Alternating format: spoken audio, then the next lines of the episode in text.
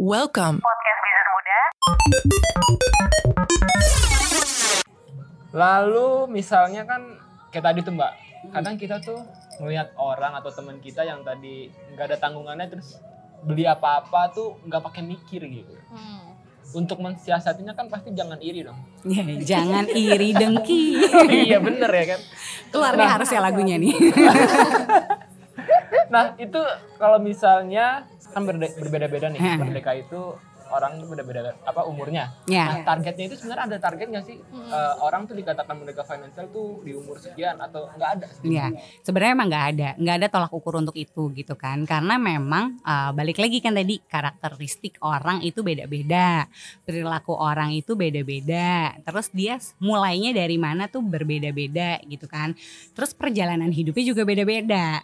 Nah, res, ya resiko yang harus dia tanggung juga berbeda-beda gitu. Nah, jadi nggak pernah ada tolak ukurnya gitu. Fokus aja pada diri sendiri sebenarnya. Oh, ibarat kata kita harus pakai kacamata kuda kali ya mbak. Benar, Lurus lurus, aja. aja, Jangan gitu. Tengok kanan, tengok kiri nggak apa-apa. Asal ya jangan iri. Iri.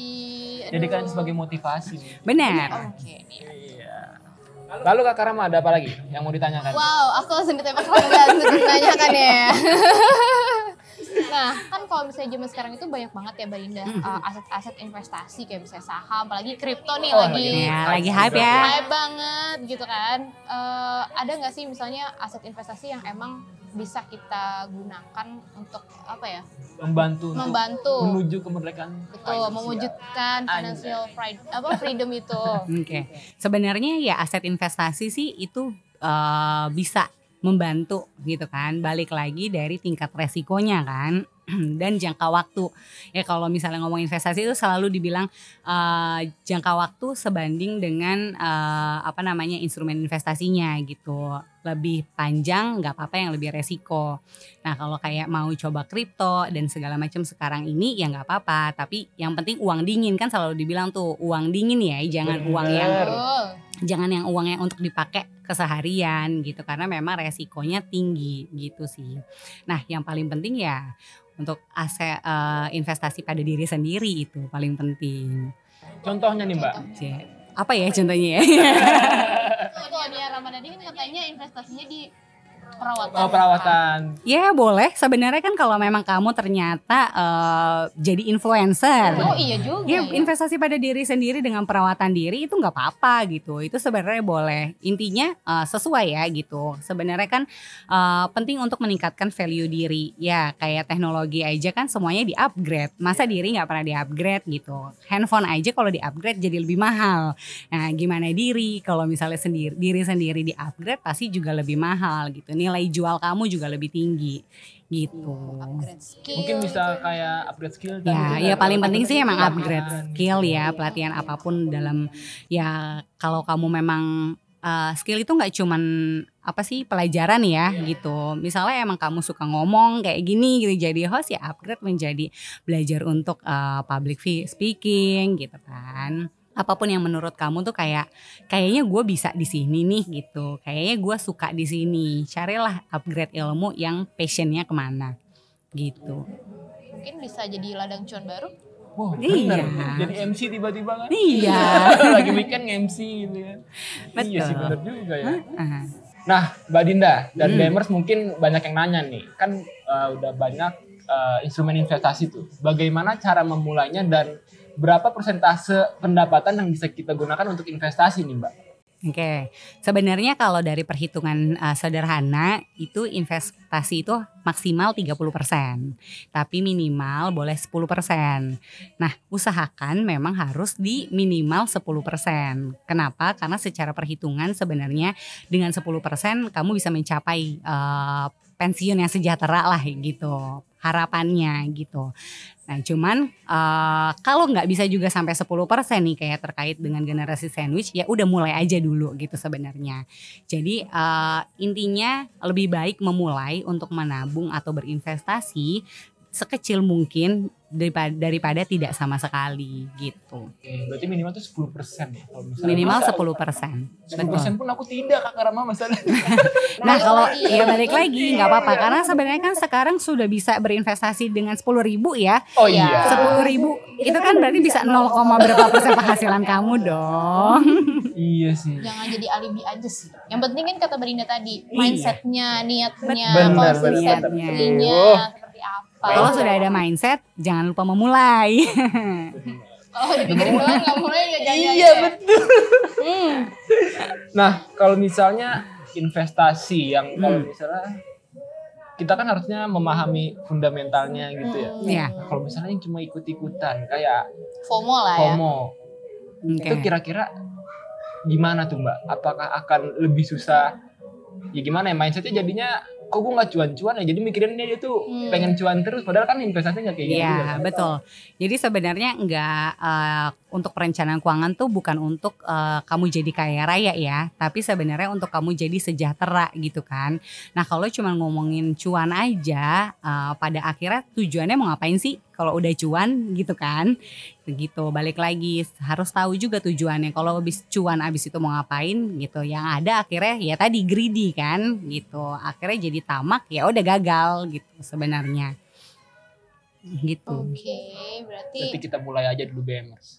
Kamu kayak terpukul sekali ya. Kayak kemarin kenapa nggak mulai ya dari baru- dari awal masuk kerja gitu. yang sekarang Yes, Oh benar. sekarang ada, ini. oh nggak ada kata terlambat. Tidak ada kata terlambat. Gitu. Soalnya kan tadi kata Mbak Dinda kan tidak ada batasan usia. Betul. Ya memang harus dimulai sedini mungkin. Nah, sedini mungkinnya itu kan berarti sampai ketika kamu sudah sadar ya. Nah, kalau kamu diberikan waktu yang sadar itu lebih cepat, itu lebih baik gitu loh. Karena sebenarnya larinya nggak ngos-ngosan jadinya. Iya iya iya. iya. Apa sih yang mau dikejar gak? Apa ya, pengen pengen apa ya? Pengen kayak orang-orang gitu.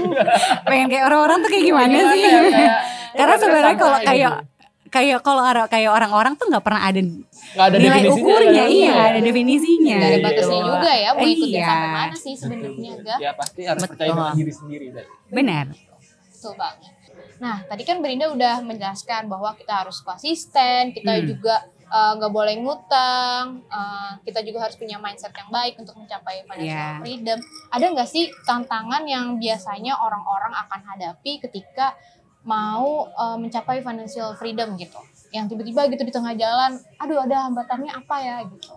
ya tantangan terbesar adalah sebenarnya gaya hidup sih Agak berat. Iya Agak kan? serius. Tolong editor musiknya serius. Benar, iya, iya. lifestyle itu adalah hal yang paling berat menurut aku gitu. Karena kenapa berat? Karena sebenarnya gaya hidup itu kan nggak pernah ada tolak ukurnya di mana gitu kan. Mau sampai seperti apa gitu. Nah kalau kamu udah sampai mengikuti gaya hidup, niat na- ningkatinnya sih gampang, tapi nuruninnya yang susah gitu. Jadi kalau memang bisa, eh, jadilah seseorang yang memang punya gaya hidup yang cukup versi kamu sebenarnya. Oke. Gitu. Nah, kadang kita ngikutin versi orang jadi kebebanin sendiri. Itu ya. dia kan Iya. tadi lu bilang mau kayak orang-orang ya, jadi Kayak orang-orang ya? dong. Bener-bener. Selalu jadi orang yang kebingungan aku tuh ya. Episode Iya, karena- bingung terus. Ya kan sebenarnya Pak, ya ya sekarang kayak media sosial kan yang menurut aku akibat media sosial ya jadinya lumayan membahayakan ya sebenarnya gitu kan. Karena orang-orang cenderung kayak wah enak ya orang-orang ini liburan ke sini, wah enak ya ke sini, wah enak ya gini gitu kan. Ya tapi fokus pada diri sendiri sih gitu. Ingat kalau memang eh, kalau kamu merasa eh, kamu bisa memiliki eh, rasa yang cukup gitu ya punya rasa syukur gitu menurut aku itu sih sebenarnya terjaga ya gitu. Dan kita juga kan balik lagi kayak, tadi di awal Mbak Dida bilang ya, setiap Iya. orang punya permasalahannya masing-masing, apa yang dia udah lewati dia- sebelumnya. betul gitu. Dan sebenarnya yang terlihat memang belum tentu kenyataannya ya gitu Betul sebenarnya. Karena kan biasanya yang di-share di media sosial adalah yang bahagia-bahagia. Iya, Jadi, betul. ya kan? Nah, pokoknya poin penting adalah sebenarnya nggak jangan fokus sama apa yang kamu kelihatannya kamu gitu loh. Jangan fokus sama eh, kamu cari cuan buat kamu terlihat eh, kayak atau terlihat mampu atau ya berarti itu ada ses, ada ego untuk kayak memperlihatkan sesuatu ya kepada seorang bahwa eh gue udah sukses nih gitu kan tapi fokus kepada meningkatkan aset kekayaan kamu sih sebenarnya gitu jadi nggak apa-apa kalau misalnya emang kelihatannya sederhana aja tapi sebenarnya aset kekayaannya banyak itu gitu tajir. harus tim dim tajir tuh ya iya nongkrong. diem tajir iya sebenarnya menurut aku um, Warren Buffett lah contoh yang paling real ya gitu. Dia merasa cukup, dia tahu tolak ukurnya cukupnya di mana gitu. Harus baca buku Warren Buffett lebih banyak lagi Ya. Mulai dulu aja. mulai dulu aja mulai mulai. dulu Mulai benar, aja. mulai dulu. Terus kebanyakan teori nggak mulai-mulai susah. Iya, nah ini betul. udah kasih udah kasih tau apa dikasih tau sama Mbak Dinda Mm-mm. ya kan tiba-tiba nggak mulai juga kebangetan sini Sebenarnya kalau kamu memulai itu eh, akan ada kayak kamu belajar dengan sendirinya gitu loh. Ketika kamu udah memulai, oh ternyata ini tidak sesuai dengan aku, coba lagi yang lain. Seperti itu sih. Karena kalau teori tuh kayak eh, ya udah berlalu aja begitu ya. Karena beda-beda ya setiap orang tuh punya punya karakter berbeda-beda jadi akhirnya eh, kalau kamu memulai ya sama kayak kalau belajar di kampus sama praktek bekerja kan berbeda ya Benar, gitu benar. ya sama lah kayak gitu Learning by doing. Learning by doing, betul. betul mantap Aduh, banget Enggak dong Mbak Dinda dong yang mantep. oh iya Mbak Dinda dong. Oke Mbak Dinda, kan tadi udah apa ya? Kalau misalnya kita mau mencapai financial ya freedom, kan tadi tantangannya udah dikasih tahu nih. Ada lagi nggak sih Mbak Dinda? Karena kan hidup kita kan ber step by step gitu ya. Maksudnya Iya. makin berumur kayak kebutuhan makin banyak. betul. Betul betul betul. Cepet banget lagi. langsung ya. Terasa ya. Ada lagi kamu udah masuk fase? real kehidupan soalnya. Kalau masih single tuh kayak aman lah sedikit aman lah ya gitu. Iya, aku nih masih aman-aman aja. pas menikah kayak selamat ya anda memasuki fase Betul, terberat. Ada nggak tuh mbak kayak ada step baru terus kita uh, punya tingkatan baru juga nih untuk mencapai financial freedom. Ya, jadi tadi kan sempat aku bilang yang pokoknya harus cash flow, aman nih gitu kan. Bebas dari utang konsumtif. Sebenarnya berhutang itu nggak apa-apa, yang penting produktif ya gitu. Jangan yang konsumtif ya kayak eh, mau makan aja pakai utang gitu Oh, wow. kan. pay later ya makan pay later Yes, gitu ya. Nah ngomong-ngomong pay letter, ya udah panjang lagi ya. Uh, Nah terus eh, tadi kan yang penting keamanan keuangan, yang dana darurat dan jangan lupa untuk asuransi ya gitu. Karena kalau seandainya terjadi apa-apa, ya pandemi udah mengajarkan kita lah ya. Masa nggak mau belajar dari pandemi sih gitu. Nah itu paling penting nih. Lalu harus punya investasi untuk goals-goals kita. Ya tujuan kita yang tadi Rama bilang gitu. Kan hidupnya masih panjang ya. Gitu. Kebutuhan makin lebih banyak ya. banget. Ya tujuan itu dibantu dengan investasi. Nah yang terakhir adalah poin yang yang menurut aku lucu sih, tapi ini penelitian dari Harvard itu mengatakan bahwa eh, seseorang dikatakan merdeka finansial kalau memang sudah memiliki tempat tinggal atau rumah sendiri gitu. Jadi eh, yang untuk yang masih tinggal di rumah orang tua atau menyewa coba dipikirin apakah rumah orang tuanya akan menjadi rumah milik, dia, pribadi. ya. kalau tidak hati-hati ya karena sebenarnya karena rumah kan adalah kebutuhan primer kan. Nah kalau seandainya kita sudah memiliki rumah, berarti secara finansial kita sudah stabil gitu. Kalau kita masih nyewa kan nanti mungkin aman saat ini, ketika pada saat nantinya jreng-jreng, mampukah kita gitu. apalagi harga rumah makin ke sini Iya. makin mahal Betul. Nah jadi ternyata itu termasuk lah eh, ke dalam apa finansial merdeka finansial. berarti kalau misalnya ada orang belum punya rumah tapi dia udah beli mobil Hmm. gitu mm, gitu. Hmm. terus belum ada parkirannya mm, di jalanan Ganggu ya. Kamu ya. Kamu. Curhat ya gitu.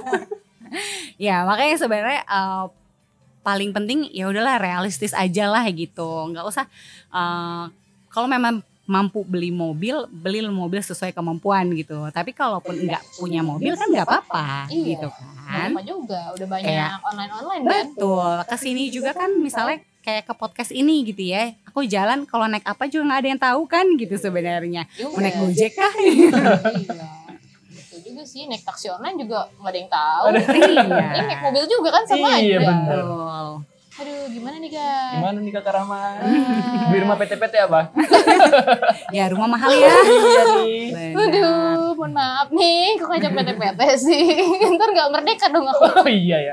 Nah ngomong-ngomong tadi kan Mbak Dinda sempat eh, bilang asuransi tuh. Nah Iya. asuransi itu seberapa penting tuh Mbak harus kita miliki gitu?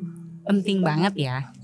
Jadi gini, kalau kamu pikirin deh, misalnya kalau kamu sakit nggak punya asuransi, ya kamu udah kumpulin uang, bekerja keras, terus udah gitu, udah berinvestasi, terus tiba-tiba sakit uangnya kepake, ya kan? Nol juga, kembali dari nol ya. Waduh, gitu. kayak itu tuh. Akhirnya kan, Kayak studio itu. Oh iya gitu. Nah itu perlindungan itu penting sih. Jadi eh, jangan lupa dipikirin untuk ya kalau memang belum punya asuransi kesehatan, monggo asuransi kesehatan dulu. Terserah bebas mau swasta ataupun pemerintah gitu ya.